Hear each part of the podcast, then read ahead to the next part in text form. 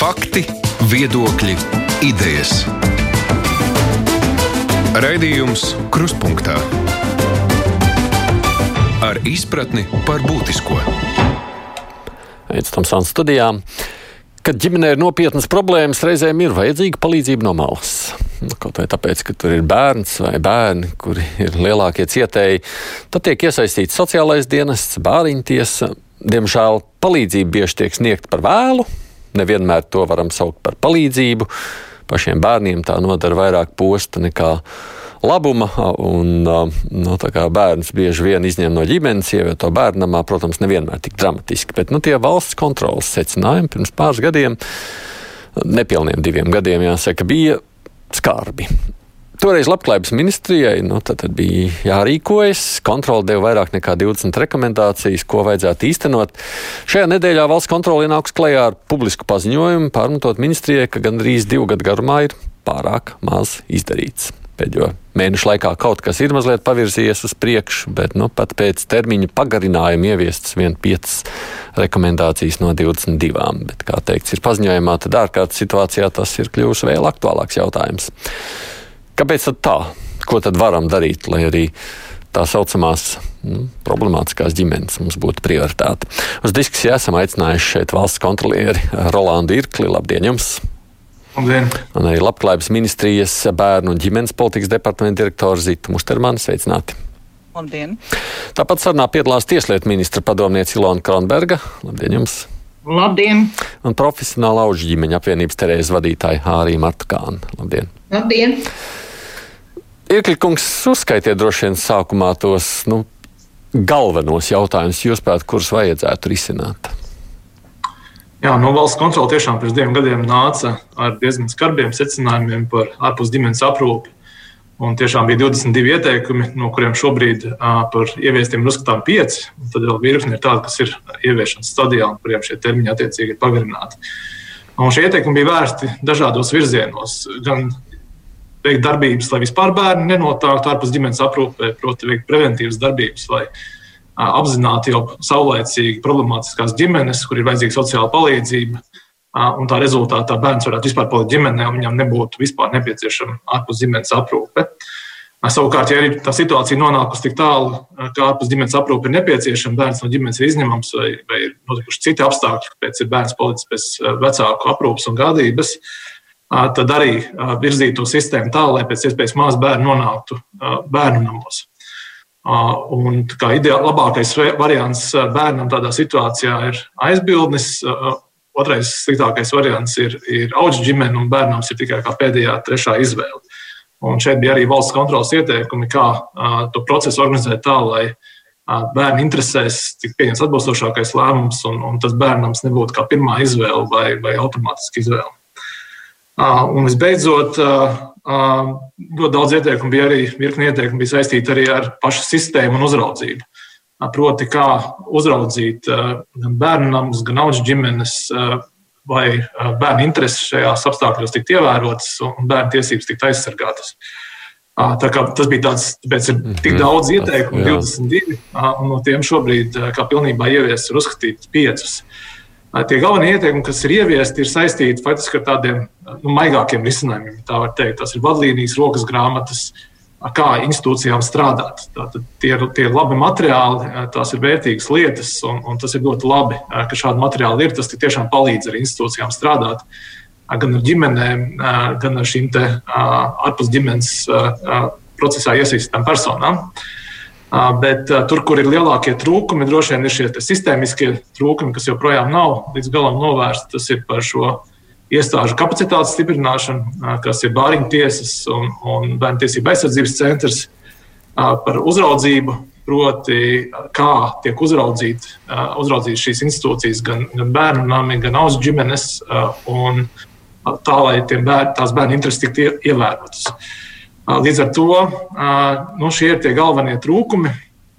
Un kāpēc mēs arī vēršam uzmanību, ka tās bērnu intereses drīzāk joprojām ir apdraudētas. Ja? Un arī šobrīd, ārkārtas situācijas apstākļos, kad bērniem ir mazāk pieejama gan, gan izglītība, gan, gan socializēšanās, tad ir vēl augstāki riski, gan psihoemocionālā riski, gan cita veida riski šajā ģimenes aprūpē. Darām tā, mēs to par tiem darāmajiem darbiem beigās mazliet vairāk. Mēs šeit diskusijas laikā nekādu izmeklēšanu neveiksim, un tas arī nav vajadzīgs. Ne par to ir runa.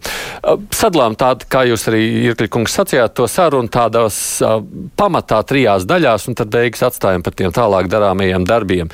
Tas pirmais par to prevenciju, otrais, jā, tādā gadījumā par to, kas notiek tajā brīdī, jā, ar tiem bērniem, tad, kad tiešām viņas nāks no ģimenes ņemt ārā un kā ir tā uzraudzība, tā trešā sadaļa. Par prevenciju runājot savukārt, ko tad tur var darīt? Jo es šobrīd uz jums visiem četriem skatos kā uz tādiem ekspertiem, drīzāk sakot, nu, kas tad ir tas, ko varētu darīt? Jo, protams, visi jau gribētu, lai vispār nebūtu tā, ka mums kāds bērns jāizņem ārā no ģimenes, vai ne? Bet nu, vienmēr jau būs tā, ka tādas situācijas pienāks. Droši vien, ka mēs nekad nevaram to izslēgt. Bet tajā prevencijā, kas tad ir tas, ko vajag darīt? Ir, ka kungs, varbūt es tomēr sākšu ar jums, jo jums acīm redzot, ir kaut kādas rekomendācijas šajā ziņā bijušas. Jā, es varu sākt ar šo, un tā prevencija, jo tas, ar ko sākās pašvaldībām un iestādēm, pirmkārt jāapzina tās ģimenes, kur potenciālās problēmas eksistē. Un tas, ko pierādīja šī revīzija, ir tas, ka bieži vien pašvaldības un arī iestādes nezina par to, kur varētu būt problēmas, attiecīgi neveic darbības, lai identificētu iespējamās problēmas saulēcīgi vai arī nereaģē uz signāliem. Piemēram, kad nāk signāli no skolām, no, no citām institūcijām, tad nav pietiekami ātra. Saulēcīga reakcija, lai sniegtu palīdzību. Protams, jūs sakāt, tā kā divas lietas. Tā pirmā lieta, ka nevajadzētu pat gaidīt signālus, jā, mums vienkārši jāzina, kas notiek mūsu teritorijā, un otrs, ko darām ar signāliem. Tā, jā? Jā, tā, tā varētu teikt, ka ir jāapzina vispār, cik ir ģimenes, kāds ir viņas sociālais nodrošinājums, kāda ir dzīves apstākļi. Mm -hmm. nu, principā ir, ir, šai informācijai ir jābūt, un to var analizējot, var saprast, vai ir vajadzīga kaut kāda papildus palīdzība, vai ir pašvaldībai jānodrošina kāda sociālās funkcijas, psihologa palīdzība, ģimeņu izglītošana un, un citi pasākumi. Bet šobrīd jau ir tā, vai ne? Pašvaldības jau ir tās, kas lielā mērā to visu dara. Jā, tās ir viņu teritorija, viņi pārauga, viņu dienas, viņi tam līdzīgi. Bet nu, katra pašvaldība dara kā grib, tā varētu sacīt šobrīd. Situācija pašvaldībās tiešām ir dažāda, un ir pašvaldības, kur ir vairāk pieejami šie pakalpojumi ģimenēm, un ir pašvaldības, kur tie pieejamība ir mazāka. Te, protams, var skatīties arī jaunās administratīvas teritoriālās reformas virzienā, kur lielākas pašvaldības ietvaros iespējams šāds pakalpojums būtu vieglāk un labāk nodrošināt nekā tas ir šobrīd sadrumstalotajā sistēmā. Jums abām ministriju pārstāvēm, abu ministriju pārstāvēm tas jautājums šobrīd ir tā, ka Ir iespējas valstī, nu, cik tālu valsts var sacīt, klau, jums ir jāzina, kas notiek jūsu pašvaldībā. Jums ir reizes mēnesī, jā, reizes gadā, pieņemsim, jābrauk kā ģimenes, jāiepazīstas ar dzīves apstākļiem, tuļ, vai nu kaut kā tam līdzīgi. Vai šobrīd tas ir pilnībā atstāts pašvaldības ziņā? Tas jāsaka, ir tiešām pašvaldības ziņā, bet tajā jautājumā liela problēma ir starpinstitūciju sadarbība. Mēs uz šo vairāk kārt esam vērsuši uzmanību. Uh, ka ģimenes ārsti saulēks nenodod informāciju un nezinu, sociālajiem dienestam. Tāpat laikā izglītības iestāde varbūt nenodod arī informāciju bāriņtiesai vai sociālajiem dienestam, kā tādā veidā iztrūkst šis informācijas posms. Mēs esam aicinājuši pagājušajā gadā arī uz sanāksmi ģimenes ārstu asociāciju, norādot to, ka nevar būt tādas situācijas, ka bērns pazūd no 0 līdz 4 gadi. Ir divi varianti, kur bērns šajā periodā atrodas. Vai tā ir pirmsskola? Bet, ja viņš neapmeklē šo pirmskolu, tad tuvākā persona, kas var eh, šo bērnu uzraudzīt, tas ir ģimenes ārsts, kas, eh, kuram būtu vismaz reizi gadā šis bērns jāapskata un jāzina, kas ar šo bērnu notiek. Kaut vai mājas vizītēs, ja viņi konstatē, ka ir tādi apstākļi, eh, kas nav piemēroti bērnam, būtu jāinformē sociālais dienests vai, vai bāriņties šajā gadījumā. Šie punkti, diemžēl, iztrūkst, iztrūkst institūciju sadarbība. Arī Kronbergas kundze pagājušajā gadā vai 19. gadā ir veikuši šo pētījumu arī par Stampīciju sadarbību pašvaldībās, kur viņi varēs droši vien labāk dokumentēt arī šo situāciju, ko viņi ir konstatējuši, bet tā ir diezgan liela problēma. Labi, Tas pats arī... ir par to pakalpojumu pieejamību, ko norādīja arī Irkļa kungs. Tā, tā tiešām arī ir, ka šie pakalpojumi nav vienmērīgi pieejami visās pašvaldībās vienlīdz. Mēs arī izstrādājam šo bērnu tiesību aizsardzības ziņojumu. Esam norādījuši, ka būtu jāstrādā uz vienota minimālā sociālā pakalpojuma groza izstrādi un pieejamību pašvaldībās. Man šis šajā jūsu tajā leksikā, un tas ir jautājums arī Kambergas kundzei, tā mums vajadzētu, būtu tā jādara. Man šis mulsina. Kronbergs kundze, nav tā, ka mēs valstī kaut ko sakām, nu, mēs iesakām jums tā lūdzu rīkojieties, bet, nu, nerīkojās. Nē, es gribu teikt, ka uh, no pirmām kārtām, ja mēs raugamies uz šīm problēmām, šīs problēmas pastāv diezgan ilgi. Tie nav ne divi, ne pieci pēdējie gadi. Tie ir desmit. Saistībā uz to, kā tiek veidots pašvaldību līmenī preventīvais darbs, praktiski vismaz savā profesionālajā darbībā es pirmo reizi pievērstu 2009. gadā, pēc kā arī iznāca viens no tādiem pirmajiem pētījumiem paralēli ar tā gada tiesības sargu ziņojumu, kur mēs konstatējām par to, ka šīs institūcijas, kas pašvaldību līmenī uh, nu, strādā, uh, tās nav tikai pašvaldību iestādes. Tās ir arī valsts iestādes, kur struktūra vienības atrodas konkrētas pašvaldības teritorijā. Ja? Tā kā visi mēs tur esam. Nu jā, kaut vai ģimenes ārsta pieminētā, vai ne? Jā. Tā tad, ka šī sadarbība ir vāja. Un, manuprāt, ja es nekļūdos, tad 2012. gads bija, kad bija šis pirmais tiesības sarga ziņojums, kad vārds vārdā praktiskie pētījumi, kas tika veikti pašvaldībās vietas, sakrita arī ar to secinājumu, kas izrietēja arī analizējot normatīvos aktus un starptautiskās rekomendācijas, kas savukārt bija ietvertas tiesības sarga ziņojumā. Tas ir viens. Uh, cik ātri mūsu valstī kaut kas notiek. Pēc uh, šī uh, pētījuma praktiski mēs attīstījām šo starpinstitūciju sadarbību vairākās pašvaldībās, tā doma bija tāda, ka bērnam nākot pasaulē, viņš tiek reģistrēts tīri no juridiskā viedokļa, viņš nokļūst valsts redzes lokā. Un tas ir arī likumā noteikts, un šis process ir. Viņš tiek reģistrēts. Tad pašvaldība zina, ka tāds cilvēks ir ieradies šajā pasaulē. Uh, kas notiek tālāk? Uh, no šī dzimšanas brīža uh, praktiski ģimenes ārsts ir tas pirmais, kurš var redzēt, var izsekot tam, kas notiek arī ģimenē caur šo bērnu veselības aprūpi. Un šis posms ir bijis dažādi vērtēts, šis ģimenes ārstu posms. Tālāk bērns nokļūst pirmskolas izglītības posmā, sākuma skolā, pamatskolā, un tālāk jau viņš ir arī praktiski sabiedrības un, un iestāžu redzes lokā. Tas nozīmē, ka līdz pat pilngadībai faktiski ir iestādes, caur kurām mēs redzam, kas ar to bērnu notiek. Jautājums ir par to, nevis ka mums viņš nav acu priekšā, Bet vai mēs, protams, nolasām? Ne, to es arī sapratu, jā, tajā visā stāstā, bet tas jau, jā, kas man un, visā mulsina tagad, nu, jūs sakāt, ir šādi, ir tādi. Jā. Mēs par šo esam arī runājuši, neatceros jau cik gadu garumā kruspunktā raidījumā. Mm -hmm. Mēs sakām, ka vajag kaut ko mainīt lietas labā. Nu, es saprotu, ir klikungs arī saka, vajag mainīt lietas labā. Nu, vajad, mums vajadzētu, mums būtu tā jādara. Bet ka mēs iesprūstam. 2017. gadā Tomsona kungs uh, izstrādāts tika tiesiskais regulējums tāpēc, kas ir balstīts arī pierādījumos, uh, kur tika ieviestas šī mērķa realizācijai.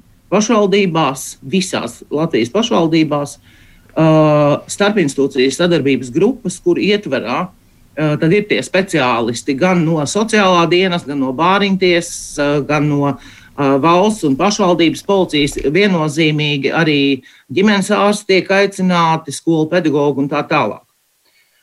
Tas nozīmē, ka faktiski ir platforma, kurai vajadzētu spēt nolasīt vienalga, pie kura no institūcijām redzes lokā nonāk kāda problēma un risināt viņu ātrāk. Šobrīd, kopš tā ieviešanas, nu, ir pagājuši trīs gadi, mēs arī pagājušajā gadā izanalizējām, kā sokas, un sokas ļoti dažādi. Mūsu valstī visam ir vajadzīgs diezgan liels laiks.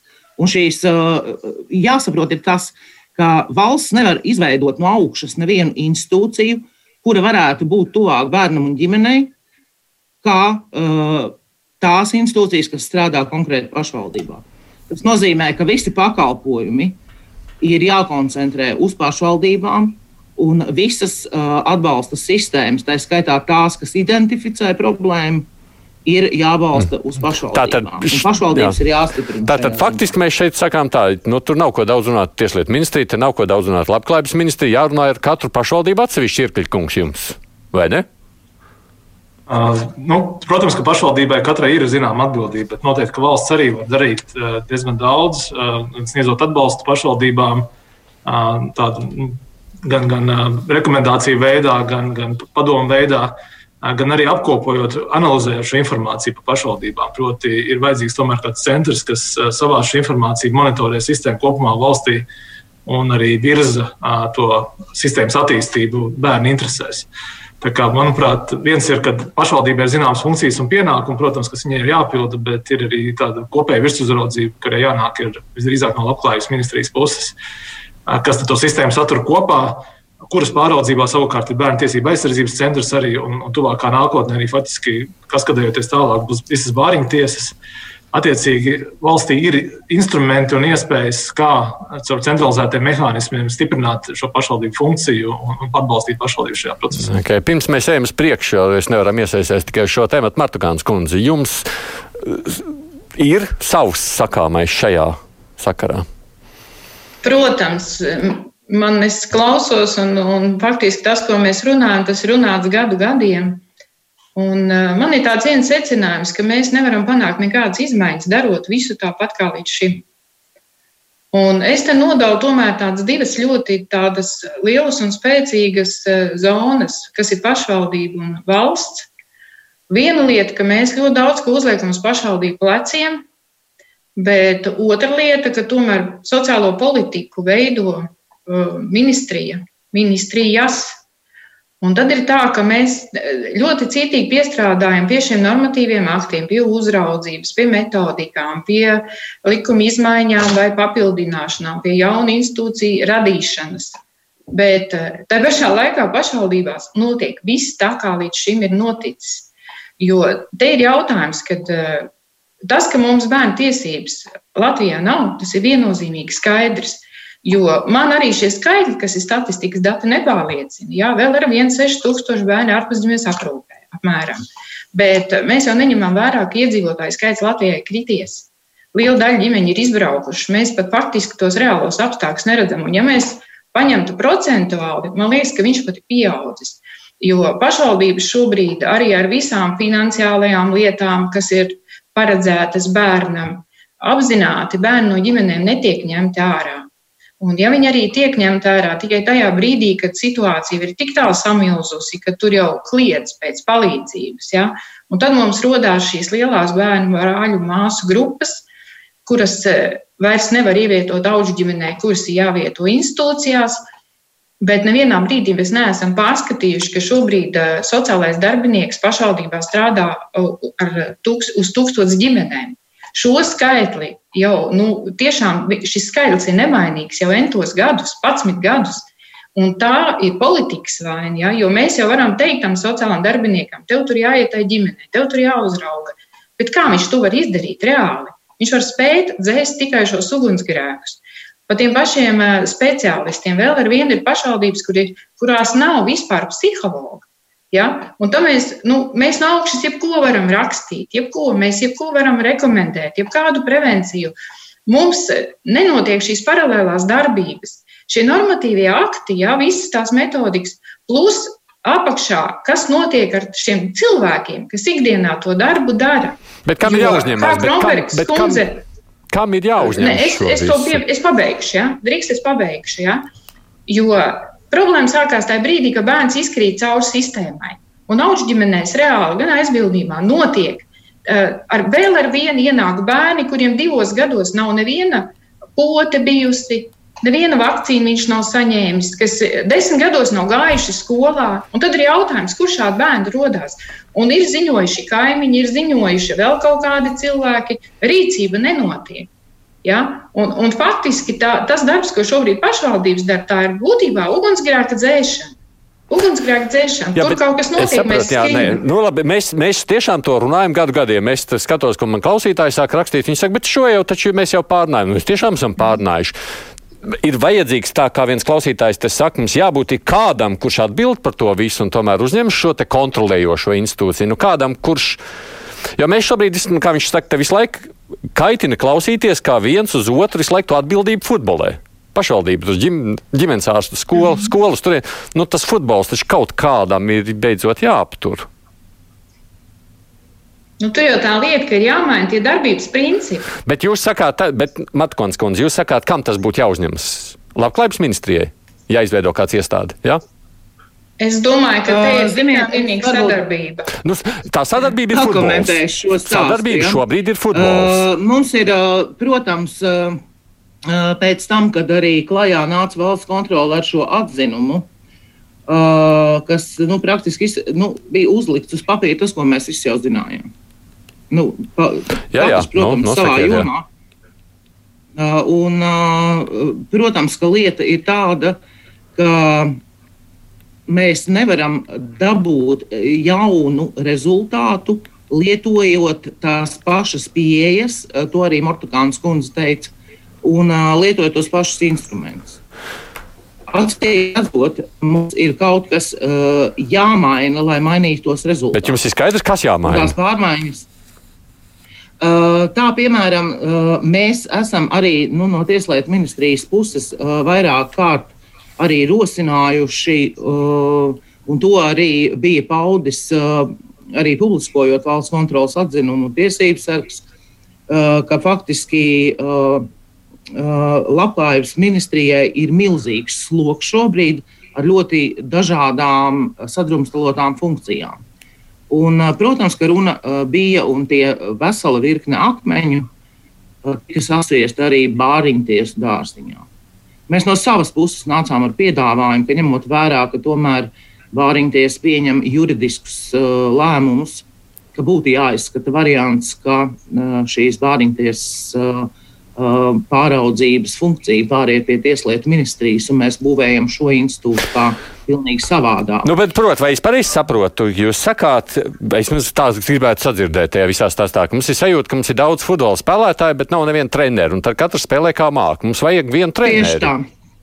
Tieši tā. Mums vajag paskatīties, vai mums, uh, mums vajag uh, gan tos, kas spēlē futbolu, gan tos, kas basketbolu.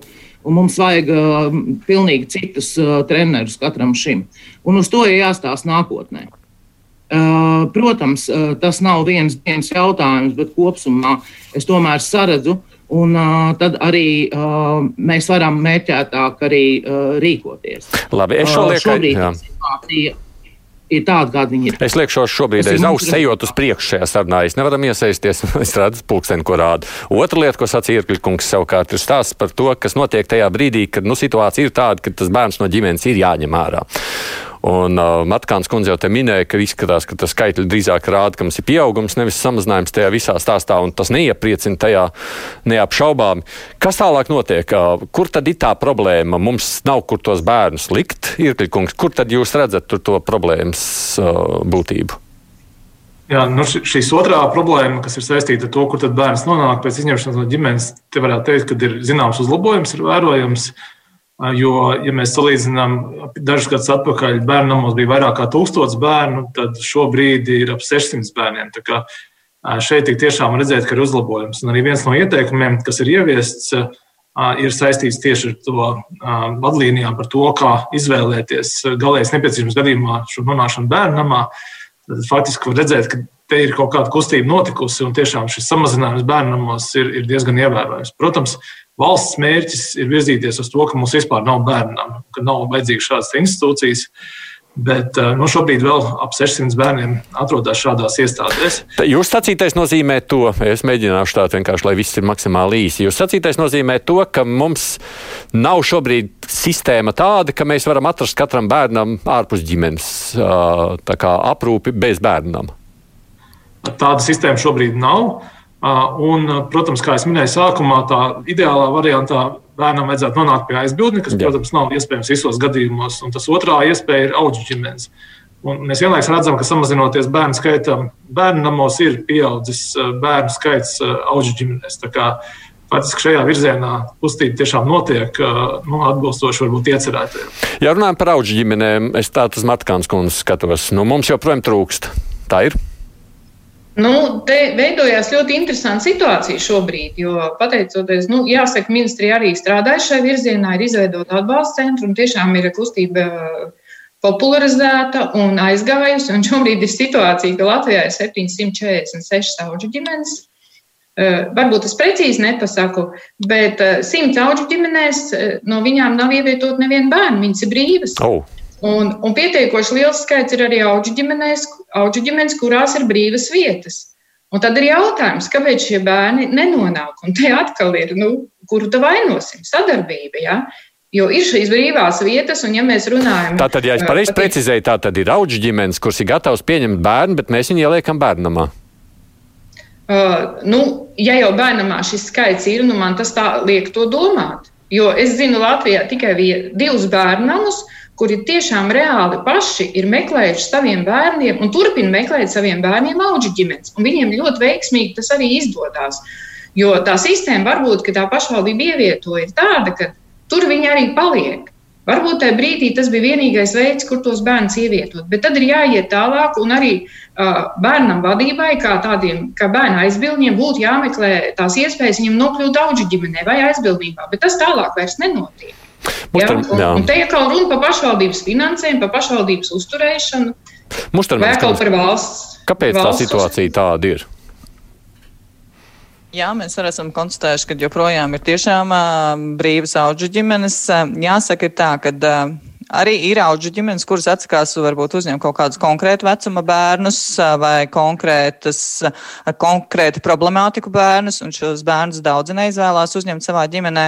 Un rezultātā viņi atrodas ārpus ģimenes aprūpas iestādēs. Ja mēs skatāmies vispār ārpus ģimenes aprūpas iestādēs esošo bērnu Eh, profilu, kas atrodas, tad tie ir lielākoties pusauģi, kurus, diemžēl, ģimeniska vide mm, apgrūtinoši vēlas uzņemt, vai tie ir bērni ar saslimšanām vai noteiktām invaliditātēm. Vai, tagad, ja dīkst, es tomēr precizēšu, Martkāns kundze, tā ir šobrīd, ka tās simts vai cik tās auģu ģimenes plus ar visām vakantām, viņām ir piedāvāts, bet viņas ir teikušas nē un sēž un gaida. Nē, tā gluži nav. Es saku, tur, kur bērnu, bērnu nami paši iesaistās un meklē, jo līdz mums, līdz auģu ģimenēm šī informācija nenonāk. Un procentuāli tomēr lielākais skaits bērnu auģu ģimenēs ir šie grūtie pusauģi un bērna problēmām. Un tas īstenībā neatbilst patiesībai, jo arī institūcijās tomēr lielākais skaits ir šie pusauģi un bērna problēmām. Tas ir vienlīdzīgi. Nav tā, tā, nav tā ka Jā. šīs auģu ģimenes saka, pusauģis un bērns ar problēmām mēs neņemam nosacīti. Tur, jo šobrīd, aizga, šobrīd ir tāds veids kā specializācijas, kas pamazām sāk ieviesties. Ministrija arī strādā pie specializācijas bērniem ar, ar pusauģiem ar uzvedības un atkarību problēmām. Ja? Tas viss ir nākotnē. Bet uh, uz šo brīdi šādi bērni jau ir ģimenēs, un es tādu pārmetumu gluži tā nepieņemšu, tāpēc, ka mums ir arī jāsaprot, ja auga ģimene ir jauna un tikko sāku izgājis apmācības un sāku strādāt, viņa nav šobrīd vēl spējīga strādāt ar, ar smagiem bērniem. Tā tad, uh, tā tad iet runa par to, ka nu, mums jau nav tikai šie pusauģi. Nu, to es saprotu, bet bērnamos ir bērni jā. arī mazi. Tas ir skaidrs, jā, bet jā. jūs šobrīd sakāt, ka arī nav tā, ka tiek atteikts uzņemt ka visas šīs simts tukšās ģimenes atsakās uzņemt šos pusauģus. Tā nav. Lai es precizētu, mēs nevaram tik vispārīgi runāt par šo jautājumu. Es, Jā, labi, es tā tāpēc arī ne, nepaspēju noturpināt šo teikumu. Nē, tā, tas ir viens no aspektiem, kāpēc, kad ir atsevišķas auģu ģimenes, kas tiešām no, nu, atsakās uzņemt šos bērnus. Otrām kārtām ļoti bieži mums parādās bērnu viedoklis, kur viņš pasaka, ka viņš nevēlas, viņš pats nevēlas nokļūt auģu ģimenē. Viņš vēlās būt bērnamā, ja? Jā, jo viņš pirms mm -hmm. tam jau ir izgājis kaut kādus noteiktus posmus, jo mums tiešām arī tas atspogļojas arī valsts kontrolas ziņojumā. Mēs paši esam konstatējuši šo problemātiku, kad ir bijuši tādi gadījumi, ka bērnam pat viena gada laikā ir nomainīts vairākas ārpusģimenes aprūpas formas. Viņš ir nokļuvis no aizbildnības uz auģu ģimeni, no vienas auģu ģimenes uz otru auģu ģimeni. Un rezultātā Bērns pauž viedokli, visas vairs nevēlos, un es vēlos palikt aprūpas iestādē. Šeit es būšu tik ilgi, cik man būs uh, atlicis uh, okay. tur būt. Šo Arī mēs, no, šo mēs tūlītās pārnāsim pēc tam. Šo aspektu noteikti pārnāsim. Bet uh, Kronbergs kundze vēl runājot savukārt par šo, ir tā, ka mums. Nu, kas mums traucē šobrīd dabūt to bērnu ārā no bērnam, ja viņš ir gatavs nokļūt uh, citā formā?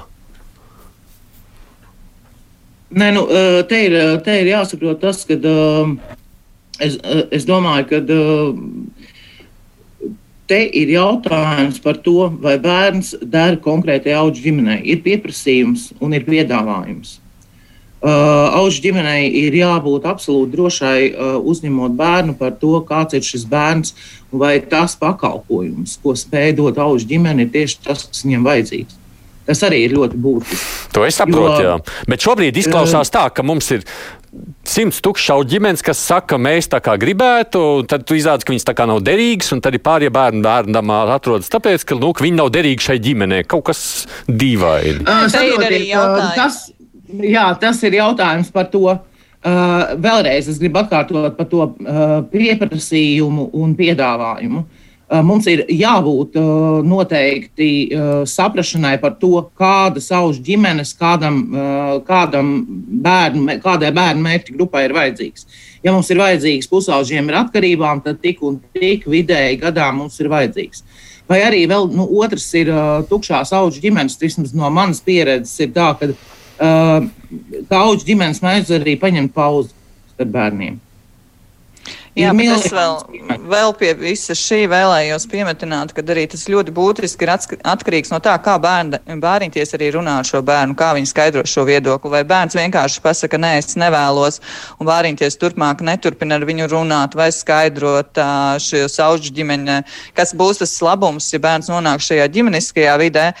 Šis arī ir samērā iztrūkstošs posms, par ko mēs esam arī pilnveidojuši gan šos sarunu viedokļus ar bērnu, norādot, kādi kādi jautājumi būtu jāuzdod, kā varbūt ir jāmotivē bērns vai jārunā, lai nav tā, ka viņš ir vienkārši paudzes viedokli, nē, un viss tā arī uzrakstam un darbības turpmāk neturpinam.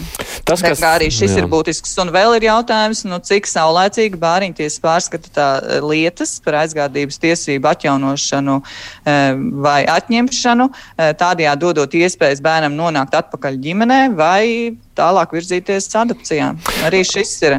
Arī to, ko sacījāt ministrija pārstāvja Marta Kāns kundze, kur tad ir tā problēma, ka tā sanāk, ka mēs esam saveidojuši auģi ģimenes, kuras ir neatbilst bērnu vajadzībām un tām, kurām vajadzētu, tad tā mums nemaz nav kur ielikt.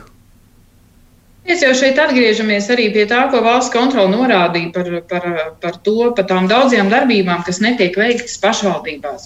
Un principā arī šie bērni, kas nonāk pusauģu vecumā, kurus izņem no ģimenes, ja mēs paskatāmies, tās ģimenes ir ar, liel, ar spēcīgām multiplām problēmām vairāk gadu garumā.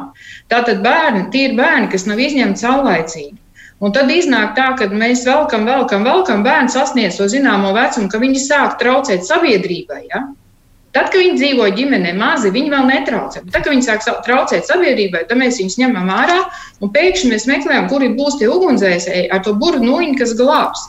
Un tās auga ģimenes, pilnīgi pareizi, kā Kronbergs teica, kundze teica, te ir pilnīgi cita Eh, citas specializācijas ģimenes ir vajadzīgas, kas ir profesionāli sagatavotas, kurām ir klāts šis pakalpojumu grozs. Jo vajag jau saprast arī vienu lietu.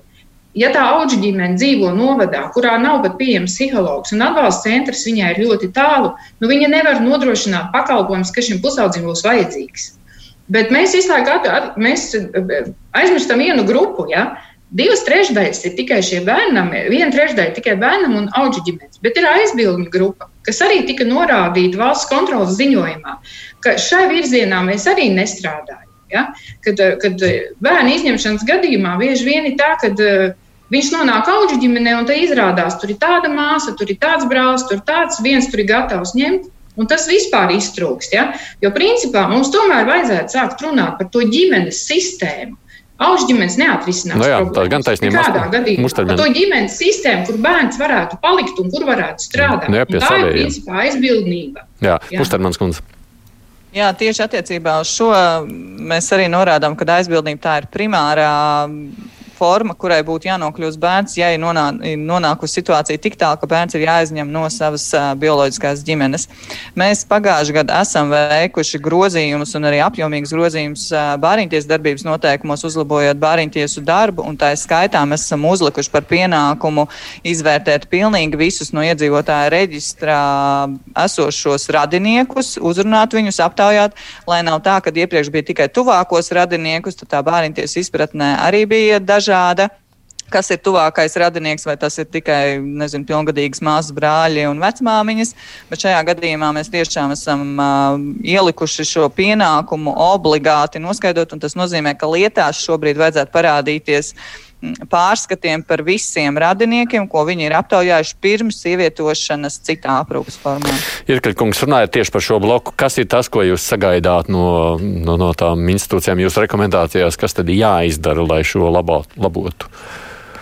Jā, nu, tikko, ko Mustermans kundze pieminēja, faktiski šī bija viena no valsts kontrolas rekomendācijām, proti, ka ir jāizvērtē visi radinieki un arī varbūt jāizvērtē pat iespēju nodot aizbildniecībā ne radiniekiem. Jā, varbūt ir kāds cits tūs personas arī, kuras var uzņemties šo aizbildnību un palīdzēt attiecīgi grūtībās nonākušiem bērnam.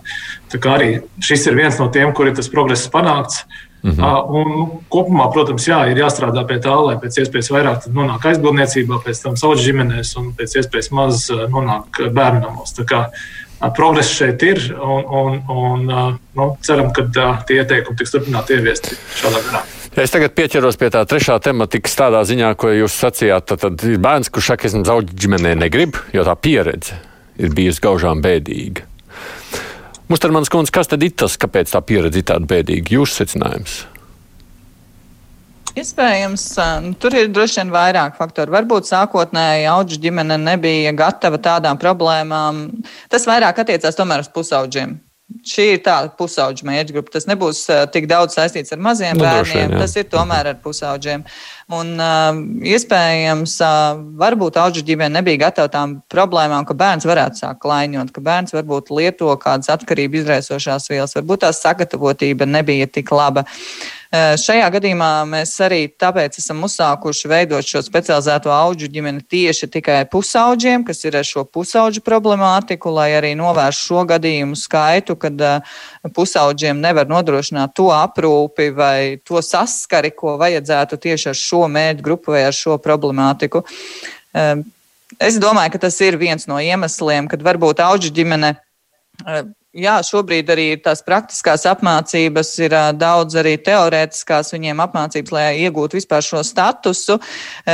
Teorētiski zināt, ir viens, praktiski ir viens, un cilvēks varbūt tiešām jūtās gatavs un uh, spējīgs aprūpēt šo, taču uzņemot ģimenē, viņš iespējams droši vien saskarās tām problēmām, ko viņš nebija gaidījis un varbūt nav bijis gatavs. Jo tas, ko tagad saka Mustermans kundze, tas ir tas, ko mēs arī esam šeit vairāk kā runājuši tām auģu ģimenēm. Matkāns kundze ir taču vajadzīgs ārkārtīgi pēc tam Man tas vārds uzraudzība arī nepārāk patīk. Te nav stāsts tādā ziņā uzraudzība. Nu, tur ir vajadzīgs nu, arī atbalsts. Nu, tur, ir, tur nav tā, ka atdevā jums, nu tad tieciet galā tagad. Apmēram tā, vai ne? Jā, es mazliet gribu arī šo jautājumu pavērst plašāk. Nav runa tikai par augu ģimenēm. Ja? Nu, man, teiksim, rekordskaitlis vienam bērnam ir, es vēlreiz atkārtošu, tie bija astoņi bērnam un es biju piektā ģimene. Un tad ir jautājums, vai šāds bērns vispār grib aiz ģimeniskas attiecības. Ja? Viņš vispār nav spējīgs iedzīvoties. Bet, bet te ir tā, ka, jā, ka tās gaidas no tās auga ģimenes, kur bērns ir ievietots, ir ļoti lielas. Un viņas ir momentālas. Ja? Jo zinot, ka bērns ienāk gan ar narkotiku atkarībām, gan ar alkohola atkarībām, tur ir vesela virkne lietu, kas viņam nāk klāt, plus vēl skola ja, kas ir iekavēta, kas, kur bērni ir nesekmīgi, ir bijis tā, ka visos priekšmetos. Un mēs momentā gaidām rezultātu. Mēs bieži vien nedodam laiku auga ģimenēm vispār ieelpot. Un tad viena daļa tiešām reāli no tās spiediena arī atsakās. Jo, teiksim, tur ir jābūt, ja teiksim, mēs paņemam pieredzi, ārzemju pieredzi, kā vispār Eiropā strādā ar šiem bērniem. Mēs nevaram spiest tam pusaudzim momentā, lai viņš izpildu pilnīgi visu. A mums, diemžēl, prasības ir tādas. Ja? Momentā atmet atkarību, momentā es sekmīgs, momentā dari to, dari to, dari to, sakārtojam veselību. Tas nav iespējams. Tas ir ilgstošs process, ilgstošs, un kur jāiesaistās visiem. visiem. Un tad ir tā, ka brīžiem tās ģimenes paliek vienas ar kailām rokām, un viņam tas ugunsgrēks jācieš. Viņš to nevar izdarīt. Ja? Nav neviena instrumenta. Un faktiski arī ir tā, tas, ko jūs pareizi teicāt. Mēs spēcīgi uzraugam, mēs spēcīgi kontrolējam, mēs spēcīgi sakam, kas ir jādara. Tā pašā laikā mēs nedodam spēcīgi šos pakalpojumus. Ja mēs zinām, pusaudzes resursu centrā valsts apmaksātais pakalpojums šogad ir 200 šādiem pusauģiem uz visu Latviju. Nu, tad par ko mēs runājam? Ja? Un auģu ģimenē bieži vien nav vispār. Ja? Tad tas ir atkarīgs teiksim, no personīgās profesionalitātes, no tā, kādas viņai ir pazīšanās ar narkologiem, psihiatriem, vēl kādiem speciālistiem. Jo šie bērni jau nonāk arī ģimenēs. Ja viņi, piemēram, pusgadu ir ainažos pavadījuši, pusgadu ģintermužā, un vispār divi gadi viņi ir klejojuši pa visiem krīžu centriem Latvijā. Jo mēs nepaceļam vienu tādu lietu pa tiem pašiem krīžu centriem, jā, pēc statistikas Rīgā. Ap 200 bērni bijuši krīžu centros. Kur mēs šo skaitli liekam? Kur mēs šo, kas tie tādi ir pa bērniem? Ja? Ko viņi taisa krīžu centros dara? Mums Latvijā ir daudz krīžu centra. Tā kā mums tāpat ir internāts skolas, kas arī ir slēptais. Tas viss ir tie slēptās formas, kurā bērni nav ģimenēs, bet kur viņi ir šais institūcijās. Un, ta, un tad ir tā, ka faktiski es domāju, ka tā esošā situācija, kas ir skaidros, viņi neatspoguļo patieso bērnu stāvokli Latvijā. No nu, tā varētu būt, un te jau ir dažādi stāsti. Liena pat rakstā, man ir draudzene, kas ir auguši auģu ģimenē. Viņas stāsta vēl man uz šausmeni, viņi man stāsta, bet tā ir privāta, saprotu, sūdzības tur nav nekādas, ka labāk gan viņai bija bērnu namā. Tā pieredze, redz, ir katram savādāk. Tur tā problēma ir acīm redzot tajā otrajā sadaļā, tad, kad mēs, nu, esam pieņēmuši lēmumu un gatavi to bērnu kaut izņemt ārā no ģimenes tā spēja mums būt klāt un līdzās līdz tam atbalstam, ka viņam patiešām ir labi, tur mēs iesprūstam. Un tas ir tas, vai ne, ko Irkļkungs jūs sakāt jā, tajā savā valsts kontrolas ziņojumā. Jā, nu tā ir tā sadaļa, kur iespējams ar ieteikumu ieviešanu nav veicies tik raiti. Tad šis uzraudzības posms, kā tiek uzraudzīti gan bērnu nami, gan auzu ģimenes, gan aizbildniecība. Un tur ir diezgan daudz sistēmiskas problēmas, uz kurām valsts kontrole norādīja savā revīzijas ziņojumā. Arī šeit ir kustība, bet šī ir tā vieta, kur kustība varēja būt ātrāka. Ja? Šobrīd ir 18. februārī beidzot eh, ministra kabinetam izgājis cauri informatīvais ziņojums par bērnu tiesību aizsardzības sistēmas pilnveidi, kur ir paredzēts stiprināt gan bāriņu tiesas, kur ir paredzēts centralizēt viņu uzraudzību, ko veiktu bērnu tiesību aizsardzības centrs Un, nu, katrā ziņā te ir kaut kāds progress, bet, bet viņš ir samērā, samērā lēts. Ja. Šis pats dokuments valsts sekretārs sanāksmē izgāja pagājušā gada jūnijā, nu, kabinetā viņš bija tikai mm. februārī. Un tagad nu, tas darbības pēc ziņojuma ir tās, kad ir jāizstrādā likuma grozījumi, noteikumu grozījumi, lai to sistēmu sakārtotu. Tur, protams, ir arī jautājums par finansējumu, jo, lai stiprinātu šīs gan bāriņtiesas funkcijas, un lai tur būtu pilna laika darbinieki, kuriem tas būtu pamatdarbs, uh, Tāpat stiprināt bērnu tiesību aizsardzības inspekcijas eh, spēju to uzraudzīt, tad noteikti tas ir arī finansējuma cilvēku resursu jautājums, Protams, lai tieši to spētu paveikt. Cilvēkiem jābūt, kas to dara, Mustarmans kundze. Jā, es par šo bērnu tiesību aizsardzības sistēmas pilnvērtu ziņojumu, jā, noteikti mēs viņu šo darba grupu sasaucām uzreiz pēc šī valsts kontrolas revīzijas ziņojuma. Darba grupa bija apjomīga, gan iesaistot tieslietu ministriju, gan visas nozars speciālistus. Ziņojums bija izstrādāts jau pagājušā gada jūnijā, viņš tika uzsaukts valsts sekretāra sanāksmē, un 2. septembrī viņš jau tika iesniegts ministrs kabineta sēdē. Diemžēl ar visiem šiem covid apstākļiem viņš bija iepalicis palicis tur, un beidzot pēc pusgada viņš bija uzlikts darba kārtībā un 18. februārī izskatīts. Jā, tāda ir tā situācija. Taču, negaidot šā informatīvā ziņojuma izstrādi, mēs jau Senāk septembrī iesniedzām šo ziņojumu, un oktobrī jau uzsākām bāriņties likuma grozījumu izstrādi, iekļaut visas tās izmaiņas, kas bija paredzētas ziņojumā, lai paralēli nekavētu šo procesu, lai būtu tas brīdis tik līdz informatīvais ziņojums ir izskatīts, lai arī bāriņties darbības, bāriņties likuma grozījumi jau ir gatavi ar visām tām pašām izmaiņām. Tā kā arī šie grozījumi ir iesniegti jau ministru kabinetā. Tur ir, mhm. nu, viņi izstrādāti tiešā sadarbībā ar Tieslietu ministriju, un tiešām tur ir uh, daudz, daudz izmaiņas. Tikai gaidām šobrīd to gaitu saimā. Hm. Kronbergs kundze, jūs komentārs par šo visu? Uh, nu, ko es varu pateikt? Uh, atgriežoties, mēs arī runājam par augu ģimenēm. Es tā kā mm, neteicu neko, bet uh, mums arī uh, pagājušajā gadā bija viens uh, tāds pētījums, uh, par to, eh, kāds iespējas ir uz bērniem, ka viņi tiek mētāti no vienas augu ģimenes uz otru, no aizbildņa pie augu ģimenes, no augu ģimenes atkal uz bērnam. Un tas, ko es vēlos pateikt, eh, ir tas, ka augu ģimene ir instruments. Un eh, tas, kā mēs šo instrumentu lietojam, no tā ir atkarīgs rezultāts.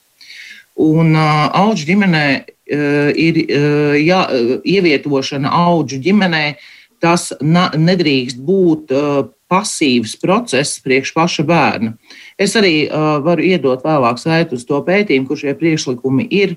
Un, praktiski galvenais ir tas, ka bērns nav manta, kuru ievieto auģu ģimenē. Mēs arī lietojam, diemžēl, šo apzīmējumu, bet viņam ir jāienāk arī apzināti šajā auģu ģimenē un plānveidīgi. Un šeit ir jābūt, jābūt plānotam, tam bērnam ir jāsaprot, kas ar viņu notiks.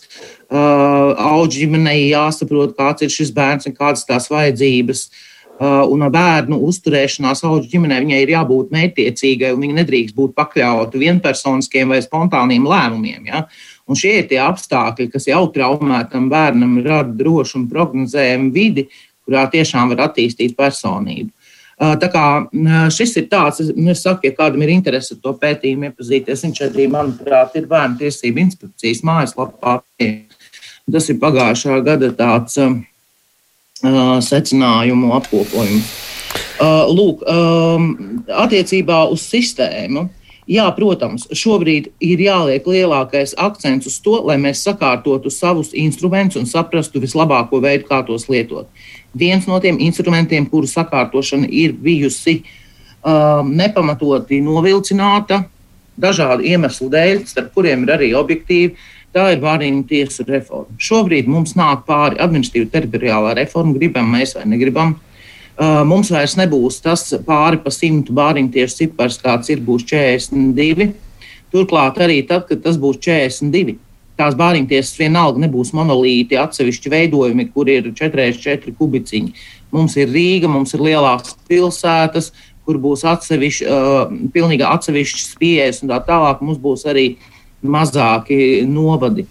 Uh, līdz ar to tas, kas man šķiet, ka šobrīd uh, maksimāli visiem jāatbalsta, lai uh, nepieciešamais tiesiskais pamats šīm pārmaiņām uh, tiktu pēc, ātri, pēc iespējas ātrāk pieņemts parlamentā. Un, lai mēs iegūtu vēl pēc iespējas vairāk laiku, sakoordinēt mērķtiecīgas darbības un cilvēkiem skaidrot, ko tas nozīmē. Jo nevienas vadlīnijas, nevienas metodoloģijas, neviens pētījums mūs neglābs, ja cilvēki to nelasīs pirmkārt un nesapratīs, kas tur ir rakstīts. Un cilvēkiem ir jākomunicē kaut vai tūkstotis reizes, stāstot, Uh, par to, kas no viņiem tiek sagaidīts un kā uh, tas var iespaidot mhm. pozitīvā nozīmē to darbu. Es... Līdz ar to tas nozīmē, ka šie grozījumi Bāriņties likumā noteikti nebūs pēdējie. Tam procesam ir jāturpinās, un jāturpinās ir arī darbam izveidojot centrālo bērnu tiesību aizsardzības iestādi, kādu to parasti paredz jau Mustermans kundzes pieminētais informatīvais ziņojums, pie kā mēs visi esam strādājuši tādā vai citā veidā. Arī tad, ja nebūtu valsts kontrolas ziņojums, mums būtu šī virzienā jāstrādā. Un es domāju, jo vairāk valsts kontrolieris mūs pieskatīs, Jo labāk tas ir, protams, jā. Tas ir skaidrs. Jā. Arī labāks rezultāts. Es gribu vēl vienu aspektu pašā raidījuma beigās, tomēr arī paņemt tajā visā sadaļā. Viena lieta, ka jūs paši saprotat, ko jūs darāt, bet tad ir tajā visā sadaļā ir sabiedrība. Un es, mēs parasti par to diezgan maz runājam, bet es tikai nolasīšu tādu pavisam citātu no vienas vēstulītes no Siguldas. Viņš saka, viņš regulāri, nu, viņš vairāk kārt ir dzirdējis savā kāpņu telpā, kā aiz istabas sieviete histēriski kliedz, bērns raud un tam līdzīgi. Viņš zvana sociālo dienu dienas, sociālais dienas saka, nē, zvaniet policijai, tas nav mūsu jautājums. Ja? Viņam vairāk kā tāda pieredze, bet tā viņš arī beigās nav piezvanījis, jo viss, kas viņam bija apkārt, sacīja, nu nav ko jaukties jums ģimenes darīšanās. Un tad ir jautājums, ko tajā brīdī mēs kā sabiedrība saprotam. Tā kā mums šķiet, ka nav kārtīgi, visi saka, nē, nu, kad ģimene pati tiks galā. Uh, Un mēs jau īsti nezinām, nemaz, ko darīt. Tur vajag kādam teikt, nevajag teikt, tu piezvan viņiem. Viņš saka, nē, nē, nē.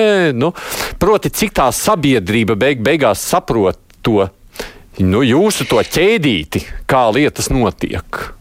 Ziniet, ir viena, vienas labas zāles par šo. Uh, cilvēkam, kas dzīvo aiz sienas, ja viņam kaut kas rada diskomfortu viņa dzīvēm, viņam nedrīkstētu nekāds diskomforts rasties no tā, ka viņš dzīvo savā mājoklī. Viņam par to ir jāziņo. Un jāziņo ir policijai, un policijai ir jābrauc. Jo uh, šādā gadījumā, ja cilvēks raksta mums uz radio, Tas nozīmē, ka cilvēks atrodas šajā diskomfortā jau ļoti ilgu no, laiku. Tas ir skaidrs, jā, bet tajā brīdī es vēl labprāt paplašinātu to, ko jūs sakāt. Mustermans kundze, turpiniet, lai mēs kā sabiedrība vispār saprotam nu, to, kā tas notiek dzīvē. Sabiedrībai tiešām ir grūti izprast šo, eh, bet eh, es gribētu teikt, ka sabiedrības iesaiste visos šajos jautājumos ir kļuvusi lielāka. Sabiedrība ir kļuvusi ieinteresētāka, vairs uh, tiešām ziņo vairāk par kaut kādiem gadījumiem, kas uh, palīdz sakārtot visu šo sistēmu.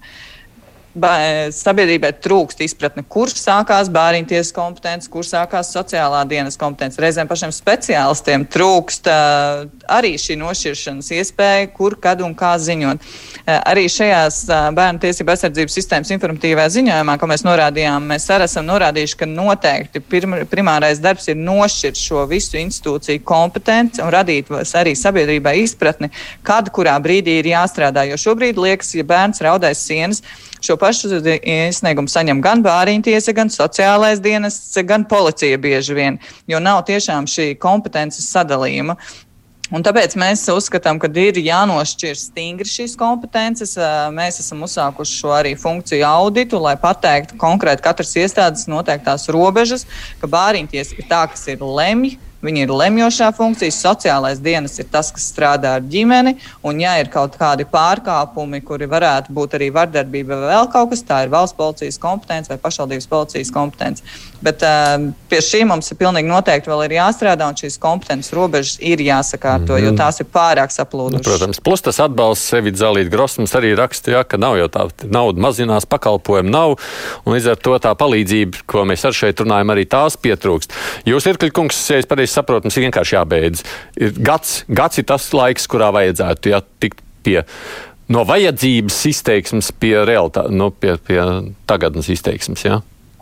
Nu jā, lielākā daļa šo ieteikumu pagarināšanas termiņa ir nākamais gads, un mēs ceram, ka tiešām šī gada laikā būs straujāks progress ar to ieteikumu ieviešanu, un attiecīgi bērnu intereses būs arvien vairāk aizstāvētas un viņa tiesības nodrošinātas. Labklājības ministrija šeit piedalījās bērnu ģimenes politikas departamenta direktors Zita Mustermāna, Rolands Irkls ir valsts kontrolieris, tieslietu ministra padomniece Ilona Kronberga un profesionāla auģu ģimeņa apvienības Terēza vadītāja arī Marta Kāna. Paldies jums par atvēlēto laiku šī tēmata risināšanai. Jums viņš jāturpina un būs, nu, pilnīgi noteikti arī turpmāk. Mēs rīt ar žurnālistiem pārnāsim nedēļas aktualitātes. Mēs runāsim droši vien arī par šodienas valdības lēmumiem. Mēs gaidām, kas notiek. Covid, protams, ir un paliek mūsu uzmanības lokā striktāk lēmumi, attālināts darbs un vispārējais, kas ap to varētu būt.